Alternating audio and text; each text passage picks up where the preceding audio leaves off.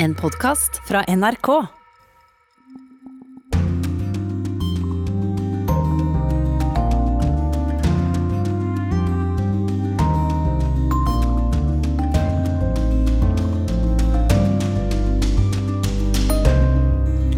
Velkommen til Urix på lørdag, her i studio Øystein Heggen.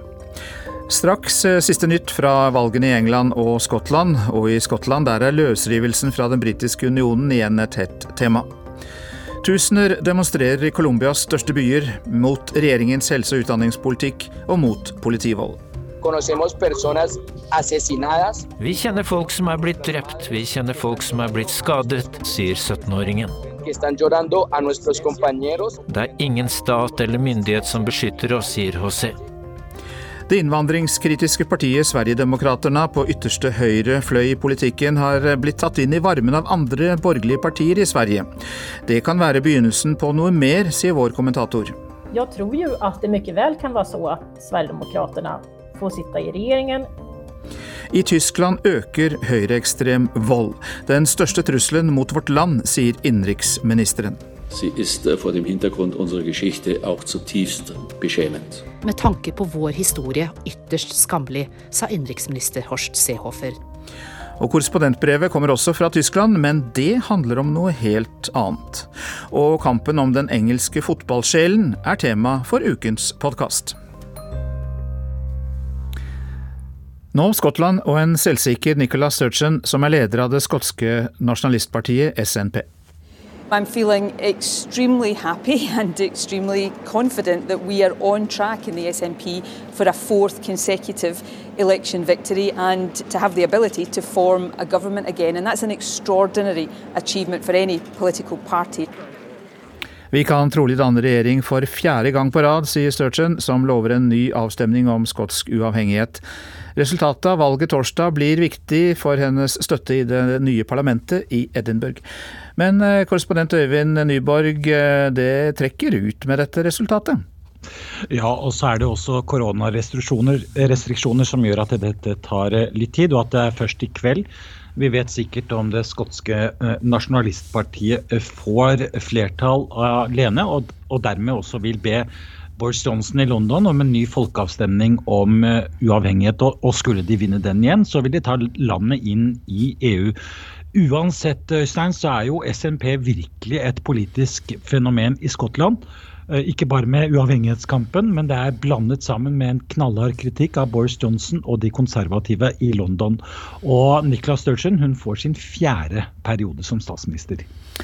Og blir eh, skotsk uavhengighet den store kampsaken framover, trolig, og, og dermed også statsminister Boris Johnsons eh, hodepine? Ja, og SMPs politiske motstandere sier jo at Nicolas Sturgeon snakker om uavhengighet for å vri fokuset litt vekk fra ting som ikke går så bra i Skottland. Eh, et valgutfall med rent flertall vil jo kunne føre til en oppløsning av den britiske unionen. Og Boris Johnson har sagt at han vil sette ned foten for eh, dette. Men da vil skottene ta saken til domstolene. Uh, og som om ikke det var nok, så vil de at Skottland uh, skal tilbake og inn igjen i EU. og Det er jo også en veldig komplisert sak med kompliserte konsekvenser for Storbritannia i så fall. Og Apropos politisk hodepine, det er det vel også for det britiske arbeiderpartiet Labour etter et suppleringsvalg til parlamentet, Nyborg? Ja, i Hartlepool uh, så har det vært nyvalg til underhus i Westminster. Og for første gang på uh, mange mange år, siden 70-tallet, så tok de konservative plassen fra Arbeiderpartiet. Og dette er også en trend som vi uh, nå i løpet av gårsdagen har sett i ordfører- og lokalvalgene som har vært over hele England. Og det er spesielt det som skjer etter elleve år ved regjeringsmakten så skulle man jo kanskje tro at uh, folk var godt litt trøtte av de konservative, men isteden så tar de mer og mer terreng fra Arbeiderpartiet. Og det at de konservative klarer bare uker etter avsløringer og skandaler og påstander om korrupsjon i Downing Street, uh, klarer å ta dette setet, sier litt om at Boris Johnson er populær. Og at mange er veldig glade for at han har eh, klart å ta britene ut av eh, pandemien med et eh, vellykket vaksineprogram. Og så er det flere ting som gjør at Arbeiderpartiet svikter. Noen i Arbeiderpartiet særlig skylder jo på Jeremy Corbyn, som sendte egentlig partiet ut i stor elendighet, i hvert fall når det gjelder antall velgere. Og så er det brexit. Mange i denne delen av landet, og særlig i nord, føler ikke at Arbeiderpartiet helt var og er på deres side i EU-saken. Og så sier jo Arbeiderpartiet selv, både høyrefløyen og venstrefløyen, at partiet mangler en klar visjon. Og kanskje vi skal også driste oss til å si at sir Keir Starmer også har et slags Støre-problem. Og sliter med å, å, nå fram til vanlige folk. Det er jo også noe han selv har vært inne på i sin unnskyldning til partiet i, i går. Han tok over for et drøyt år siden, og nå er han under hardt press. Det er også et krav fra mange om at hoder må rulle i partiledelsen. Takk skal du ha, Øyvind Nyborg. Vi hørte litt om selvsikker Nicola Sturgeon og et Arbeiderparti eh, lenger sør som har større problemer.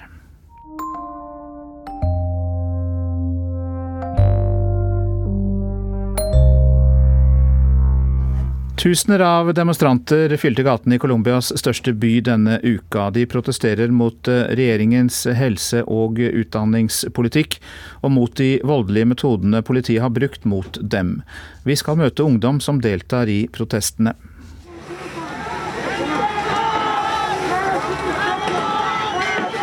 Politiet tar i bruk vannkanoner mot demonstranter i Bogotá. Der de ikke sprer seg raskt nok, velger politiet å avfyre patroner fylt med tåregass. De mest dramatiske protestaksjonene pågår i byen Kali. NRK har snakket med ungdommer som deltar ute i gatene der. En av dem kaller vi José. Han føler seg mindre trygg hvis han oppgir sitt reelle navn. Conocemos personas heridas, conocemos personas traumadas, conocemos personas violadas. Vi kjenner folk som er blitt drept, vi kjenner folk som er blitt skadet, vi kjenner folk som er blitt voldtatt, sier 17-åringen. Vi er redde, vi føler oss alene. Det er ingen stat eller myndighet som beskytter oss, sier José. Men noe støtte får de nå fra omverdenen. Både FN, EU og USA kritiserer sikkerhetsstyrkene for overdreven maktbruk. Vi fordømmer drapene på demonstranter, sier EUs talsperson Peter Stano. Etter økende internasjonal oppmerksomhet kommer det nye toner fra landets leder para escuchar a la ciudadanía y construir soluciones orientado a estos propósitos. Jeg ønsker å lytte og forsøke å finne en løsning, sier presidenten i Colombia. Inntil nylig ble demonstrantene anklaget for å stå i ledtog med geriljagruppene FARC og ELN, noe de avviser bestemt. Protestene startet 28. april og var rettet mot et omstridt forslag til skattereform.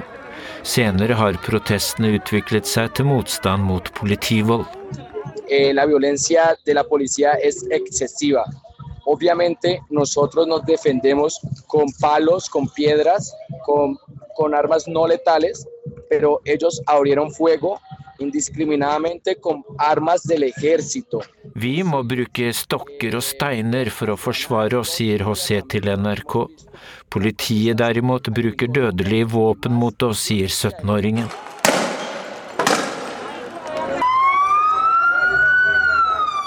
En ambulanse frakter en skadd demonstrant til det nærmeste sykehuset i Bogotá. Ifølge offisielle tall er 24 mennesker drept og over 800 skadd i demonstrasjonene hittil. I tillegg er 89 personer meldt savnet. Reportere her var Dag Bredvei og Inger Marit eh, Kolstad Bråten. Diego Marin Rios, velkommen til vår sending. Tusen takk. tusen takk. Du er daglig leder av Latin-Amerika-gruppene i eh, Norge. Og du er i kontakt med Colombia hele tiden. Hvilke rapporter får du inn? Det vi hører fra våre samarbeidspartnere og fra sivilsamfunnsorganisasjoner, er det samme som jeg hører fra min familie, for jeg kommer også fra, fra Colombia. Og det vi hører, er stadig mer vold, mer politivold, stadig mer undertrykkelse. det som skjer i landet. Landet går gjennom en stor økonomisk krise. Eh, en stor menneskerettighetskrise, og tallene øker hver dag, egentlig. Så det vi har registrert så langt til, eh, fram til i dag, for ni timer siden, er det 37 mennesker, demonstranter, fredelige demonstranter, som har blitt drept. Og det er elleve tilfeller av seksuell vold. Og dette handler om politivold. Al altså, mm. Hva var det som utløste det? Eh, det startet som en demonstrasjon mot eh, et forslag til skattereform fra regjeringens side.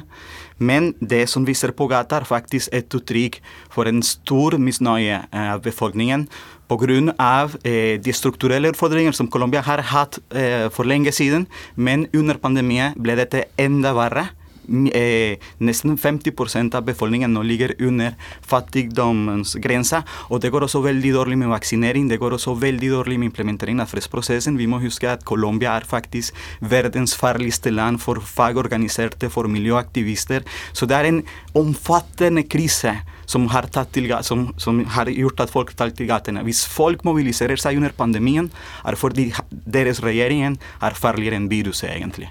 Du nevnte fredsprosessen, og det eh, gir meg en mulighet til å spille av noe du sa 7.10.2016 til mm. NRK. Eh, da hadde Colombias president, eh, daværende president Juan Manuel Santos fått fredsprisen for denne fredsavtalen med FARC-geriljaen. Vi skal høre hva du sa.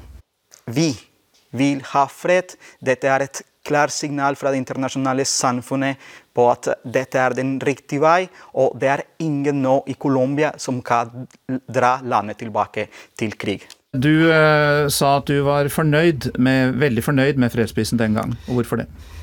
Ja, jeg er fortsatt uh, veldig fornøyd med fredsavtalen. fordi Problemet er ikke fredsavtalen. Problemet er at denne regjeringen ikke har implementert denne fredsavtalen. Og vi må huske at Norge er også tilrettelegger i denne fredsavtalen. At situasjonen i landet nå er uh, slik vi ser i dag, har også mye å gjøre med det. Og Derfor må Norge og det internasjonale samfunnet komme på bane med en sterk fordømmelse av denne situasjonen. Alle disse hendelser må forklares. Colombia må komme på agenda i FEM-sikkerhetsrådet. Norge sitter der midlertidig. Og, og, en uavhengig kommisjon må granske det som vi har sett i disse dagene. Colombia kan ikke kalles for et demokrati etter disse bildene som har gått verden rundt. Men, men tror du at uh, de som sitter med makten i Colombia, de som uh, kjemper mot hverandre i Colombia, vil lytte til, uh, til stemmer utenfra? Eh, det er det eneste håpet nå, egentlig. Det er den eneste måten å stoppe denne volden, denne volden på. Det er fortsatt eh, ikke dialog mellom regjering og demonstrantene. Og vi har ikke hørt et eneste ord av selvkritikk fra regjeringen når det gjelder disse hendelsene av politivold. Men hvilke krefter er det da i Colombia som prøver å fortsette fredsavtaler også med andre geriljagrupper? Hvilke krefter er det som prøver å få til forsoning? Det er, en, det er, faktisk den befolkningen som finnes nå på gata, har det som et av deres krav. Så implementeringen av fredsavtalen er et av kravene i denne stor sosial bevegelse som vi ser nå på gata, i tillegg til også mange eh, politiske partier. Og alle eh, organisasjoner fra sivilsamfunnet støtter også det kravet. Takk skal du ha, Diego Marin Rios, daglig leder av latinamerikagruppene i eh, Norge.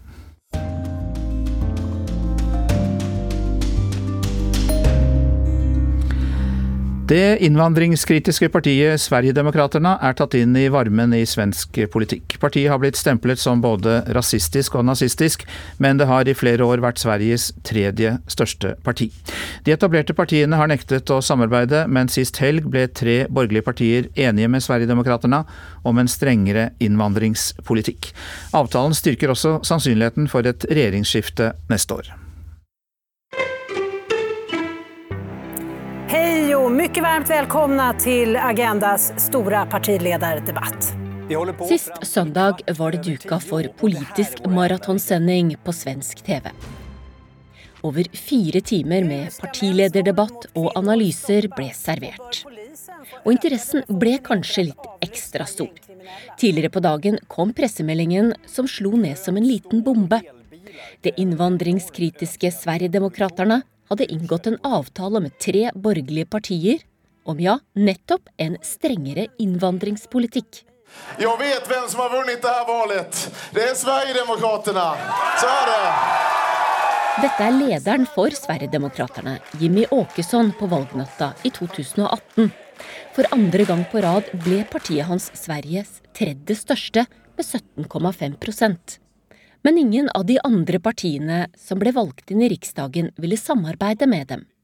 For bak den blå blomsten, som er Sverigedemokraternas symbol, ser mange et rasistisk parti. Visst er jeg besviken på det faktum at et parti med røttene i nazismen kan vinne så mye mark i vår tid. Sa statsminister Stefan Löfven fra Sosialdemokraterne på den samme valgnatta. Tre år tidligere hadde sju medlemmer i Sverigedemokraterna blitt ekskludert for sine ekstreme holdninger. Men på en måling i februar i fjor var partiet blitt Sveriges største. I mange kommuner samarbeider de om makta. Det har blitt umulig for rikspolitikerne å overse partiet. Jeg tror at det at de har sett at Sverigedemokraterna har jo økt veldig mye i väljarstöd. Og eh, da tenker de at det det är det här väljarna vill ha. Um, men det, det, har på något vis skett en glidning där, där alla har börjat prata om invandringsfrågan och börjat prata om det väldigt mycket som Sverigedemokraterna har. Och jag tror att man tror att man ska vinna röster på det helt enkelt. Det sier Moa Bergløft, som er kommentator i avisa Sydsvenskan. Hun har også vært taleskriveren til Moderaternes tidligere statsminister Fredrik Reinfeldt i åtte år Alle hadde nok forstått at de skulle gjøre noe gemensamt utspel, men at det just ble på migrasjonsområdet er stor symbolik i det. Og det viser jo at man, man tenker seg at Sverigedemokraterna kommer å få innflytelse även der.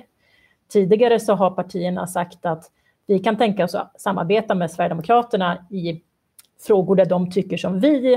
Eh, vi tar gjerne imot deres röster, eh, men helst ikke på det her området. Ehm, men nå har man også sluppet på den grensen. Og sist helg ble altså Sverigedemokraterna tatt inn i varmen i svensk politikk. Moderaterne, Kristeligdemokraterna og Liberalerne ble enige med partiet om et forslag som innebærer betydelige innstramninger på innvandringsfeltet. Blant annet vil de gjøre det vanskeligere å få permanent opphold. De vil også at det skal bli vanskeligere å gi opphold på humanitært grunnlag. Vi har en såpass stor økning av voldtektene til eksempel. Det kobler jeg i veldig høy grad til en oansvarig innvandringspolitikk. At vi har eh, hver tredje ung kvinne som utsatts for seksualbrott, det kobler jeg i veldig høy grad til migrasjonspolitikken. Og det måste man kunne gjøre. I TV-debatten sa Jimmy Åkesson at han vil gå mye lengre enn avtalen, og blant annet ikke ta imot asylsøkere i det hele tatt. Men det er ingen tvil om at avtalen er en stor seier for Sverigedemokraterna. Det viser på eh, for første gang en, en enad opposisjon, der også Sverigedemokraterna viser at vi vil være med og ta ansvar for Sverige. I fjor lanserte Åkesson seg sjøl som justisminister. Bergløf sier at det nye samarbeidet styrker sjansen for at de borgerlige partiene virkelig kan utfordre Stefan Löfven. Men kan Sverigedemokraterna bli en del av en borgerlig regjering etter valget neste år? de andre partiene har jo sagt at det ikke er aktuellt, ehm, de som de vil samarbeide med. Å andre siden sa de for noen år siden at det ikke var aktuelt å samarbeide alls med Sverigedemokraterna. Så at de har jo kommet med löften tidligere eh, som ikke har hållits. Jag tror ju att, att det mycket väl kan vara så att Sverigedemokraterna får sitta i regeringen eller åtminstone ha, ibland har man ju löst det så i Sverige att partier som inte sitter i regeringen ändå får ha tjänstemän i regeringskansliet. Men jag tror inte att Sverigedemokraterna kommer att ge sig förrän de får ministerposter. Ja, det sa Moa Berglöf, som er lederskribent i avisa Sydsvenskan, reporter Kari Skeie.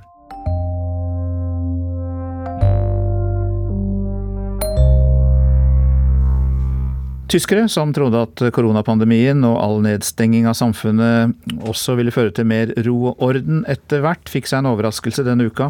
For aldri siden registreringen begynte for 20 år siden, har det vært mer høyreekstrem vold i landet enn nå. Es gibt äh, klare Verrohungstendensen in unserem Lande. Det er klare tendenser til brutalisering i vårt land, sa den tyske innenriksministeren Horst Seehofer på en pressekonferanse i Berlin denne uka. Han framstår rolig og kontrollert, lever opp til det tyske uttrykket 'Ordnung muss sein', Men det han sier er så sterkt at journalistene sine fingre farer over tastaturet. For det er helt klart at det ikke er noen orden i landet. Hør her.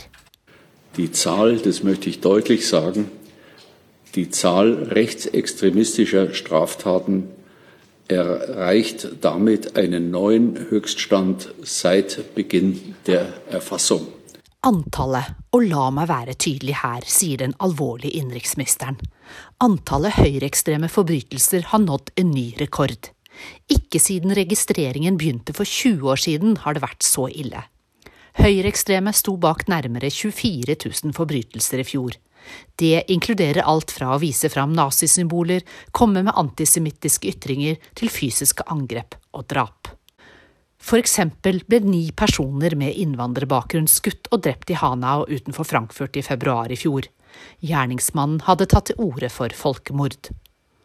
Og går vi til 2019, ble Walter Lübke, en innvandrervennlig lokalpolitiker i Angela Merkels CDU-parti, drept av en nynazist. Tre måneder senere drepte en væpnet mann to tilfeldige personer etter å ha gjort et mislykket forsøk på å ta seg inn i en jødisk synagoge. Så ille er det at ekstremisme på ytre høyre fløy nå er den største trusselen mot sikkerheten i Tyskland, fortalte innenriksministeren denne uka. Og de som trodde koronapandemien med all sosial nedstengning ville føre til mer ro i Tyskland, tok grundig feil.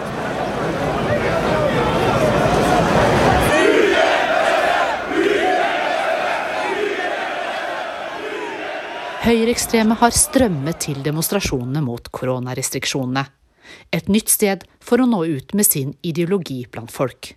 Und disse diese Entwicklung in Deutschland ist nicht nur sehr besorgniserregend, sie ist äh, vor dem Hintergrund unserer Geschichte auch zutiefst beschämend. Denne utviklingen i Tyskland er ikke bare problematisk, men med tanke på vår historie også ytterst skammelig, sa innenriksminister Horst Seehofer denne uken. Og reporter var eh, Anja Strøen. Kate Hansen Bundt, velkommen til vår sending. Takk. Du er generalsekretær for Den norske atlanterhavskomité og kjenner av eh, Tyskland. Økt vold fra ytterliggående høyreside i Tyskland hører vi innenriksministeren advare om. Hva tror du da om risikoen for Tyskland og demokratiet? Jo, det er jo bekymringsverdig, men det tyske demokratiet har mange um, hindre for at høyreekstreme skal kunne komme til den politiske makten. Grunnloven fastslår at Tyskland er et demokrati. Eh, det skal være det for alltid. Og eh, overvåkningspolitiet kan da slå inn mot grupperinger som eh, karakteriseres som ekstreme høyreekstreme. Det som er bekymringsverdig, er at skillet mellom disse gruppene, altså som er i gata, som utfører vold og kriminalitet, og de som sitter i forbundsdagen, AFD, altså Alternativet for Tyskland, er i ferd med å viskes ut. Ehm, de har altså folk som snakker sin sak i parlamentet, og som bringer hatytringer inn i den offentlige debatten. Det er bekymringsverdig. Men uh, din uh, bekymring uh, gjelder da også partiet som faktisk da er valgt av mange tusen tyskere. Hva er da grunnen til at de har stemt fram AFD til, ja, i siste valg, tredje største parti, når det ligger der litt lavere? Det er mange grunner til det. De er størst i det østlige Tyskland, eh, som er preget av en helt annen økonomisk virkelighet. Mange der føler at de har tapt i det forente Tyskland, men samtidig skal man ikke glemme at AFD virkelig tok av i 2015, samtidig med den store flyktningbølgen som kom til Tyskland. Én million eh, mennesker fra eh, stort sett Midtøsten. Og da vokste de seg store. Det er hovedgrunnen, tror jeg, til at man stemmer eh, på AFD. Samtidig som de gir mange av de som føler at de faller utenfor i det tyske samfunnet, en stemme, en identitet. Og det gjelder spesielt i det østlige Tyskland, hvor man i Saksen og Tyringen har viktige personer som står frem og er talsrør for på en måte eh, de som føler at de er annenrangs tyskere i dagens Tyskland. Du nevnte i ditt forrige svar at Tyskland skal være et demokrati for alltid. Eh, hva ligger i det? Skiller Tyskland seg da fra andre land? ved at de har et eller annet i Grunnloven som fastsetter dette? Det er klart, med sin eh, historie eh, fra det forrige århundret, eh, så er, har Grunnloven en rekke barrierer som skal forhindre en utvikling av eh, høyreekstrem virksomhet. Eh, det de fastslår, er at da har på en måte man et juridisk grunnlag for å overvåke og forfølge, egentlig, de ekstreme politiske grupperingene. Og det skjer? Så vidt jeg skjønner. At, at, at, Etterretningstjenesten har begynt å sette søkelyset også mot mot uh, Alternativ for Tyskland? Det gjør det, og spesielt uh, personen Bjørn Høkke, som har ledet bevegelsen i uh, Tyringen, som startet et parti inni partiet, en høyrefløy i AFD, som jo er et høyreekstremt parti. og da har de startet overvåkning av både han, men også partiet som sådan.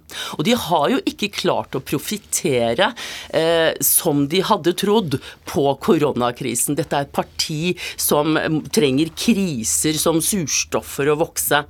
Eh, det har vært mye indre strid mellom en mer moderat fløy, hvis man skal kunne kalle det det, og disse mer ekstreme.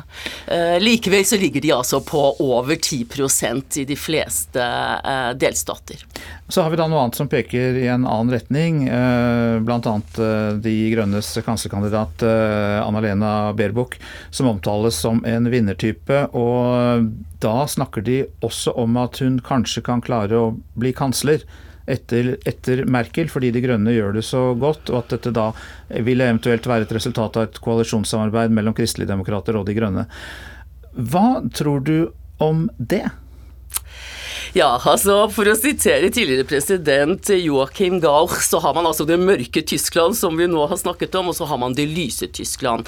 Innvandringsvillige Tyskland. Vi skal ikke glemme om eh, i 2015 hvor folk eh, vel, to velkommen til mot innvandrere. De grønne er eh, et uttrykk for dette, men samtidig en strømning som gjør at de har endret sin egen politiske Eh, metode. Man har hatt en eh, strid mellom de såkalte fundamentalistene som eh, under valget i 2013 gikk inn for en offentlig påbudt veggisdag i de offentlige kantinene, til nå å snakke om mer realistiske politiske prosjekter, ikke minst en karbonnøytral økonomi. Og de er vel rundt 30% er det ikke det da? Eller vært oppom det nå i det siste? De fikk en meningsmåling på 28 ja. Den siste jeg har sett var 26% Og det skyldes at de har formulert et politisk program som slår inn i en virkelighet hvor man er opptatt av klima, reformer, digitalisering, en mer vennlig innvandringspolitikk, men også en omstilling av tysk industri til eh, elektrifisering av bilindustrien osv. Så, videre. så har de eh, selvsagt profittert på at eh, motstanderne gjør det veldig dårlig. Kristeligdemokratene til Angela Merkel har valgt en kanslerkandidat, Armin Laschet, som ikke er spesielt populær. De har brukt mye tid på å krangle om hvem som skal være eh, deres kanslerkandidat. Og uh, Anna-Lena Berbuk sier at 'jeg er fremtiden', reformene det nye, og de andre står for status quo. Da kan det hende at eh, Anna-Lena er den som erstatter Angela. Takk skal du ha, Kate Hansen Bondt.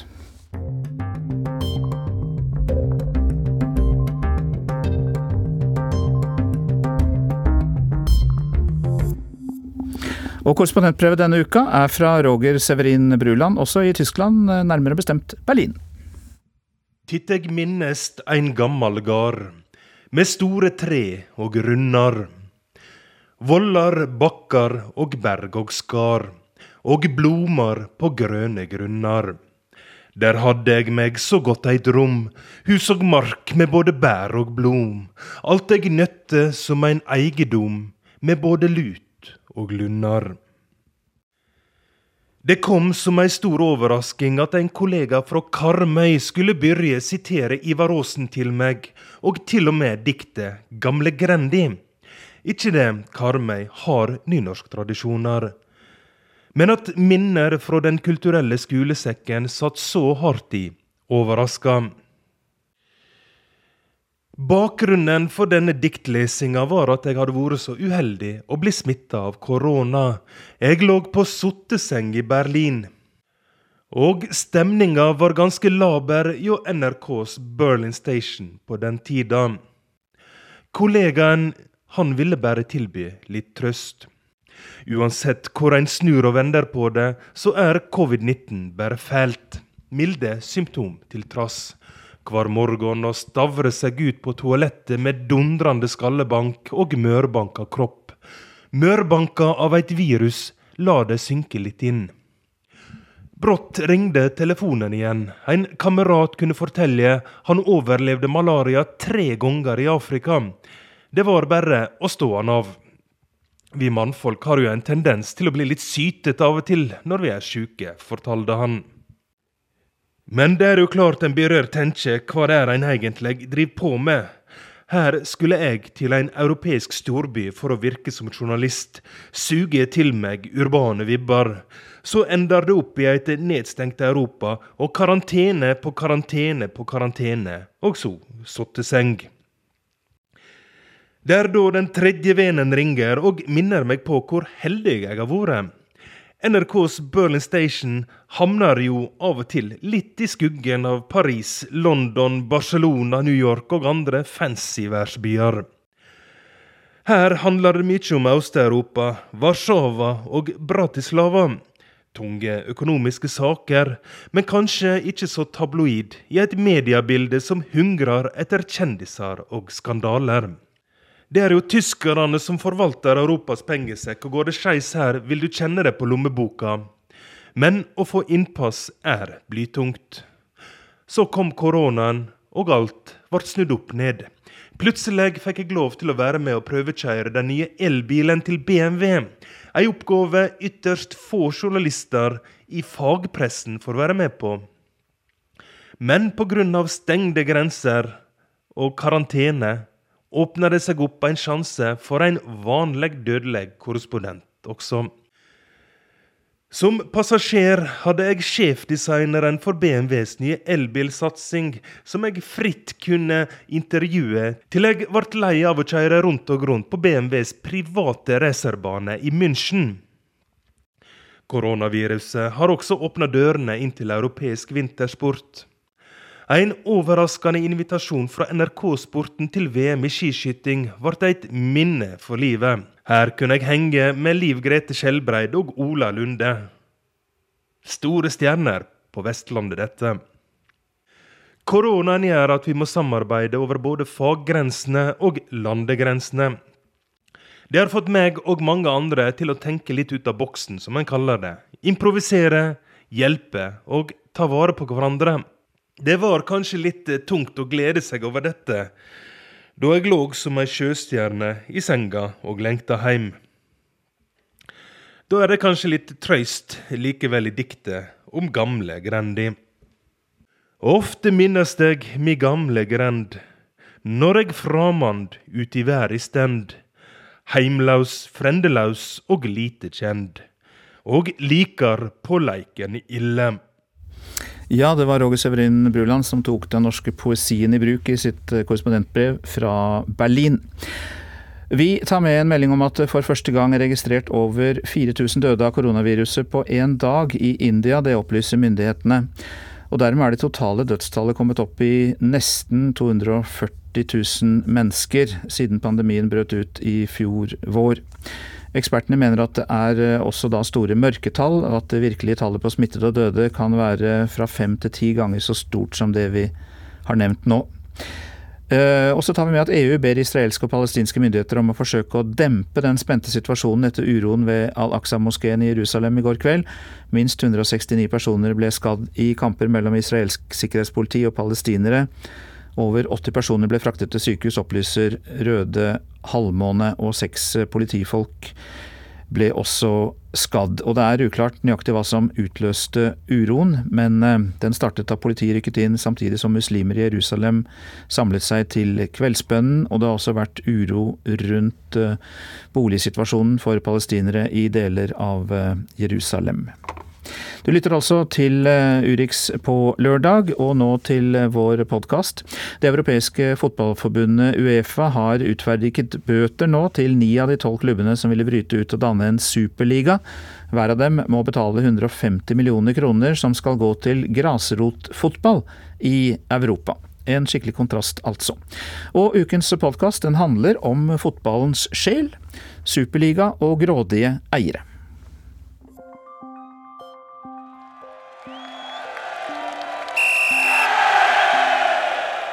Søndag skulle en av årets store kamper spilles i engelsk fotball. Manchester United mot Liverpool på Old Trafford. Men den kampen ble faktisk aldri spilt. Den ble stansa. Av folk som elsker fotball. Hundrevis av fans storma inn på banen, og flere tusen lagde bråk på utsida. De protesterer mot ideen om en egen liga for bare de rikeste og beste klubbene. Og de protesterer mot rike og grådige amerikanske eiere. Hva handler dette tilskueropprøret i fotballen om? Og hva skjer når fansen plutselig vender seg mot eierne av klubben de elsker? Du hører på Krig og fred. Med Tove Bjørgaas. Og Tore Moland.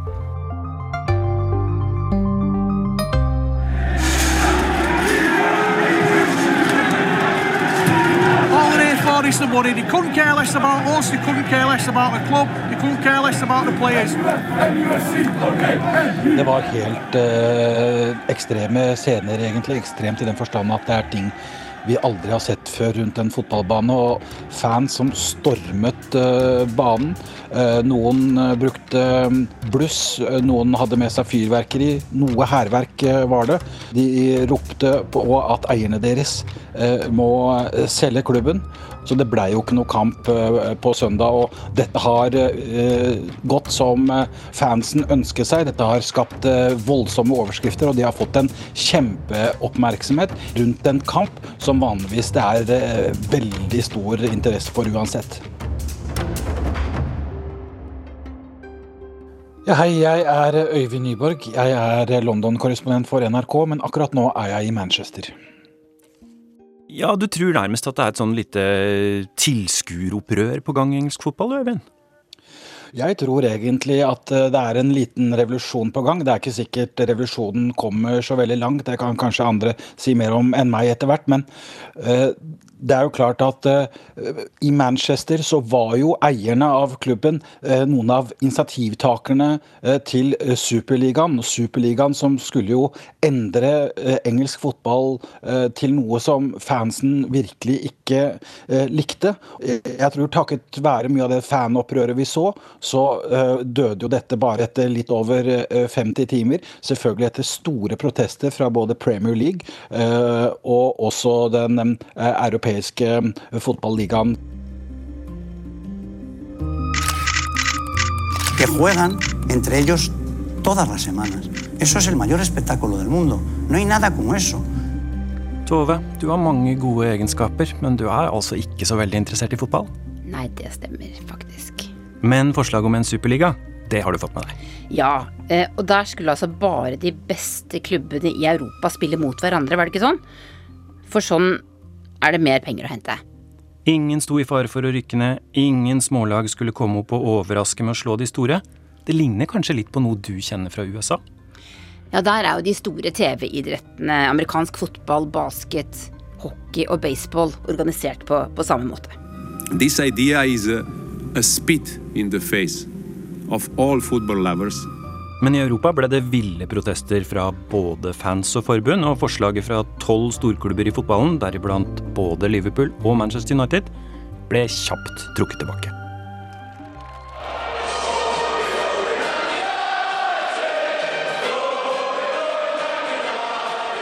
Siden denne kampen da ikke kunne spilles i Manchester, så tar vi den rett og slett her i stedet, på hver sin banehalvdel.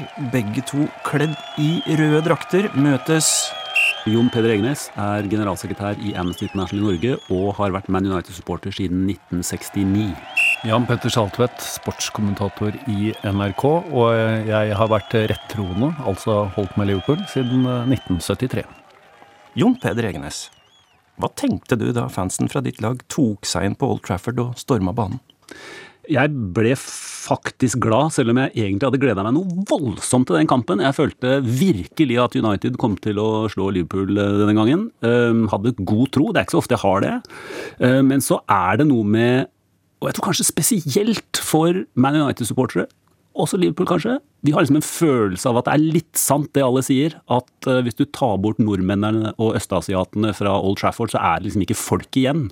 Men her var det åpenbart Mancunians, altså folk fra Manchester, med sterke, sterke følelser fra klubben, som nærmest tok makta i egne hender, og har jo uttalt i ettertid at hensikten var å i hvert fall forsinke, hvis ikke stoppe kampen.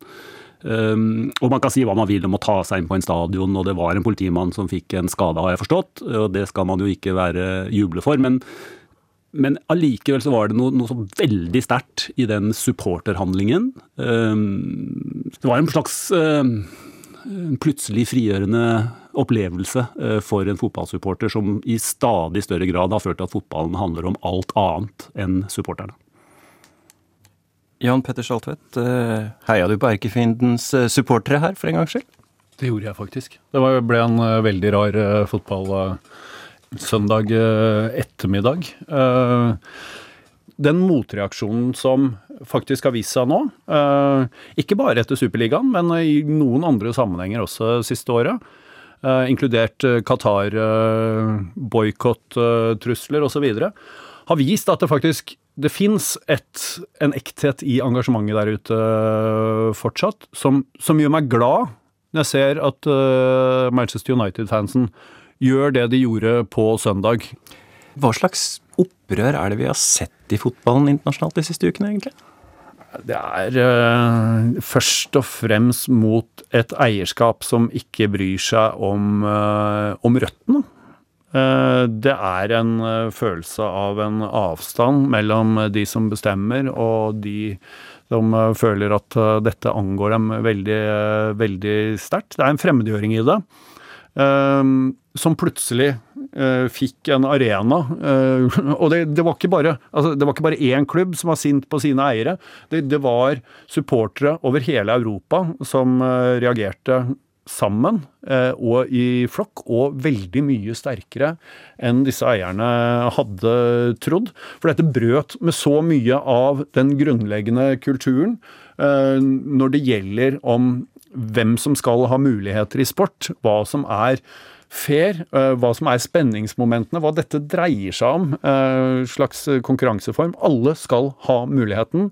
Her skilte man ut et eksklusivt selskap som sa at vi er så mye bedre enn dere at vi bare bestemmer dette for oss, og så får dere holde på med hva dere vil.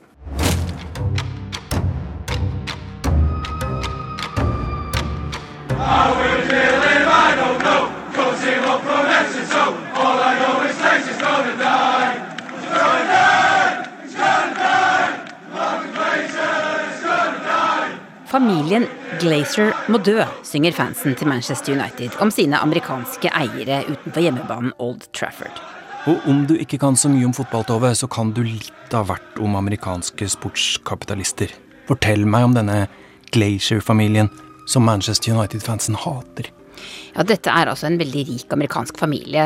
Malcolm Glacier, som nå er død, han har fem sønner som nå eier Manchester United. Og han Malcolm Glacier han begynte med å reparere klokker eh, da han var ung. Og så etter hvert bygget han opp et voldsomt eh, imperium. Han eide en bank, og så begynte han å kjøpe seg opp i eiendom. Og så kjøpte han først eh, det amerikanske fotballaget Tampa Bay Buccaneers. Og så kjøpte han også Manchester United. Og nå er det de fem sønnene hans som har overtatt eh, Manchester United, og to av dem er spesielt involvert i, driften av det laget. Jon Peder Egenes, hva er det med denne amerikanske Glacier-familien som eier Manchester United, som gjør dem så fryktelig upopulære? Ja, Det er jo helt fra starten i 2005, da de kjøpte klubben. Eh, da var Man United en gjeldfri klubb eh, som ble drevet økonomisk eh, så vidt jeg, altså. jeg er ikke noen finansekspert, men så vidt man kunne se som supporter, så gikk den klubben veldig bra. Den hadde også et veldig faktisk bra forhold mellom inntekter og lønnsutgifter, og liksom alt virka som en toppklubb som faktisk klarte å styre unna de verste pengefellene. Så kommer denne familien og skal kjøpe klubben. Og gjør det med å belåne klubben noe voldsomt. Jeg tror gjelda nå er på ja, nesten fem milliarder kroner eller noe i den stilen. Um, og har siden, i tillegg til å ta penger ut av klubben for å betjene denne gjelda som de har påført klubben, også tatt penger ut av klubben for å putte i lomma.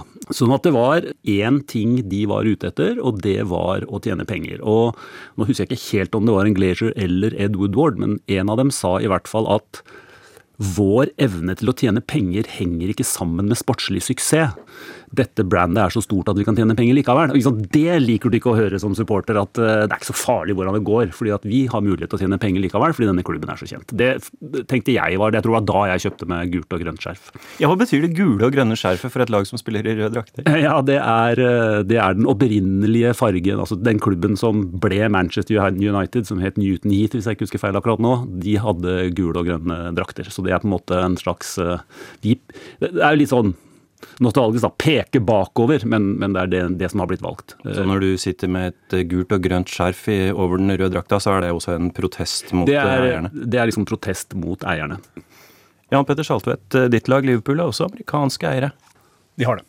Og denne FSG, som det heter, Fenway Sports Group, som på samme måte som Glazers eh, eier eh, bl.a. Boston Red Sox eh, i, i baseball-ligaen i USA, og hatt veldig suksess med måten de har drevet sport på. Hadde en modell for forretningsdrift rundt sport som de tok med seg fra USA og til England.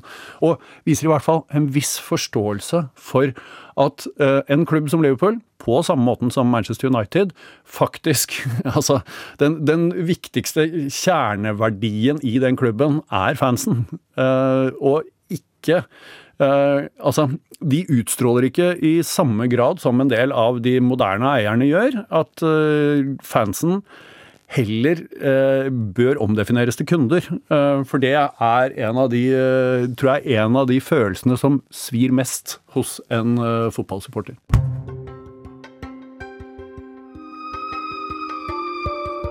From Denver, Colorado, Jerry Trupiano here with another Oilers football game. For the Oilers, it's been a season that has been packed with thrills. The Oilers, after finishing 9 and 6 this season Forklar meg hvordan eierskap til populære sportsklubber egentlig fungerer i USA, Tove.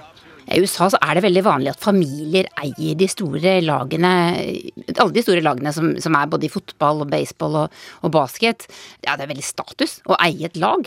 Og det handler ofte om å tjene mest mulig penger, så de er ofte flinke til å også eie f.eks.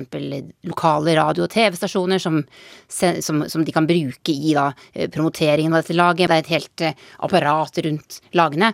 Og hvis de kan tjene penger på det, så flytter de gjerne et lag fra en by til en helt annen. Ja, et eksempel er laget Houston Oilers, altså fra Houston, Texas, da, oljebyen, som flytta til Memphis for en del år siden. Men det er ikke så mye olje i Memphis. så, så, de bytta etter hvert eh, navn til Tennessee Titans. Ser man noen lignende form for uh, motstand fra fansen mot eierne i amerikanske idretter, Jan Petter? Vet du noe om det?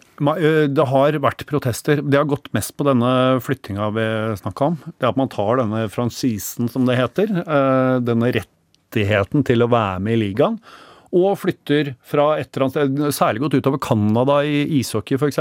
Det var arnestedet, det var der alt startet. Og så kom USA med i det som er den eh, nordamerikanske ligaen. Og plutselig flytter man eh, klubber eh, fra Toronto til Florida, som ikke er noen sånn klassisk ishockeystat opprinnelig. Fordi man vil spille nær Disney World og ha det som en attraksjon på linje med all annet av eh, det underholdningsindustrien eh, har. Og jeg skulle ha likt å sett protesten i Europa i det den første klubben Altså, ser for seg, eh, det skulle være to Milano-klubber med på dette, det skulle være to Manchester-klubber, to Madrid-klubber. Plutselig ser man jo at uh, kanskje hadde vært bedre å flytte en av dem til uh, en annen by med et stadig økende publikumsgrunnlag. Tenkte man egentlig en europeisk superliga på sikt, eller så man for seg Riyadh, eh, Tokyo, eh, kanskje Beckhams eh, Inter Miami som en del av dette? Ingenting som kunne hindret noe sånt noe på sikt. Men er ikke fotball underholdningsindustri, da? Så reaksjonene i en del verdensdeler som har litt andre tradisjoner eh, enn eh, våre. Eh, Asia er jo kjempemarked, og der var, var, opinionen, særlig blant de yngre, at hvorfor i alle dager skal man ikke ha dette? Jeg ser gjerne på disse storlagene mot hverandre hver eneste uke. Fins det alternativer, da? Man, man, diskuterer jo om det fins andre eierskapsformer. og det, det, henvises jo veldig til Tyskland, da, som har denne nå mye omtalte 50 pluss 1-regelen. som skal sikre, det er jo der, eh, Man skal ende på 51% her, er jo tingen. Eh, og 51 hva for noe? Eh, bestemmelsesrett, først og fremst klubben, og gjennom det medlemmene av klubben, og igjen altså fansen, skal kunne uh, si nei til eh, denne type beslutninger. Om det er å være med i en superliga, eller om det er å selge klubben til en eh, kronprins fra Saudi-Arabia som har lyst til å kjøpe den. Dette har i, i hvert fall veldig stor grad eh, sikra eh, en helt annen eh, nærhet til supporterne i tysk fotball. Eh, det er et kjærlighetsforhold mellom klubb delvis eiere og supporterne fortsatt, eh, som har fungert veldig godt. Eh, tysk fotball det er den ligaen i Europa og gjennom det verden hvor det er eh, mest publikum. Hvor det er faktisk størst lokalt engasjement til de beste klubbene. Og det var ikke tilfeldig. De tyske klubbene ikke ville være med på dette superligaprosjektet. Så kommer Boris Johnson idet superligaplanene kommer. I don't think it's a good idea to have a disruptive behavior or demonstrations of, of that kind. But on the other hand, I do understand people's strength of feeling. Og, Boris Johnson har jo på sett og vis lovt at supporternes stemme skal høres i klubbene på en eller annen måte. Um, men vi får se da, hvordan, hvordan det faktisk, uh, hva det faktisk blir i virkeligheten. For at, det er jo bedrifter. Og det fins lover, det fins forretningsjus, det fins alt mulig sånt som selvfølgelig kan, kan stilles i veien eventuelt, da, hvis eierne nekter.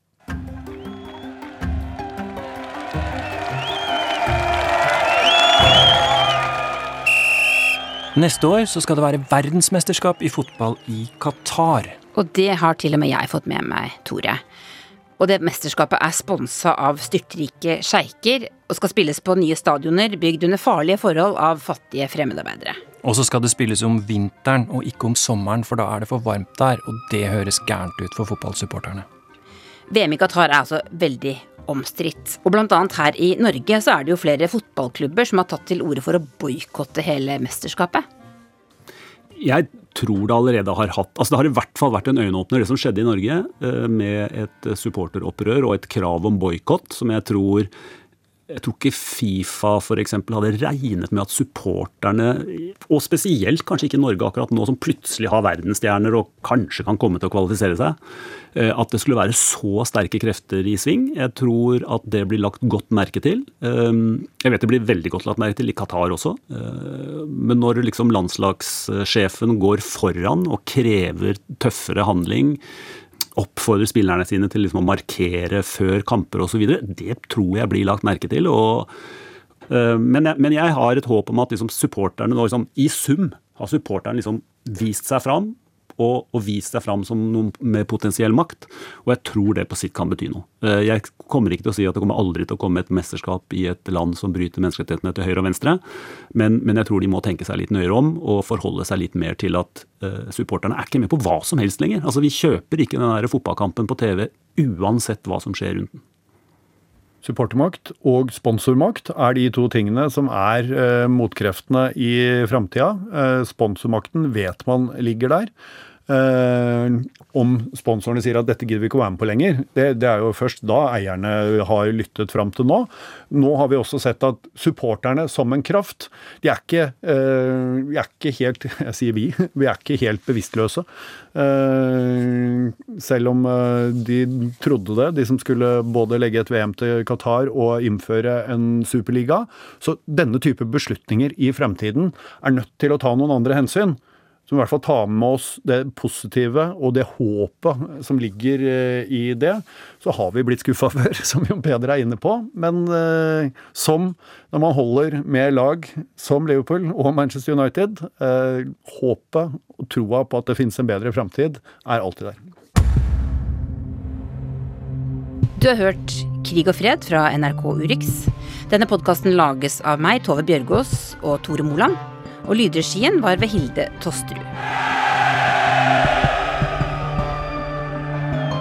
Og redaktøren vår er Sigurd Falkenberg Mikkelsen. Og han er forresten Liverpool-supporter.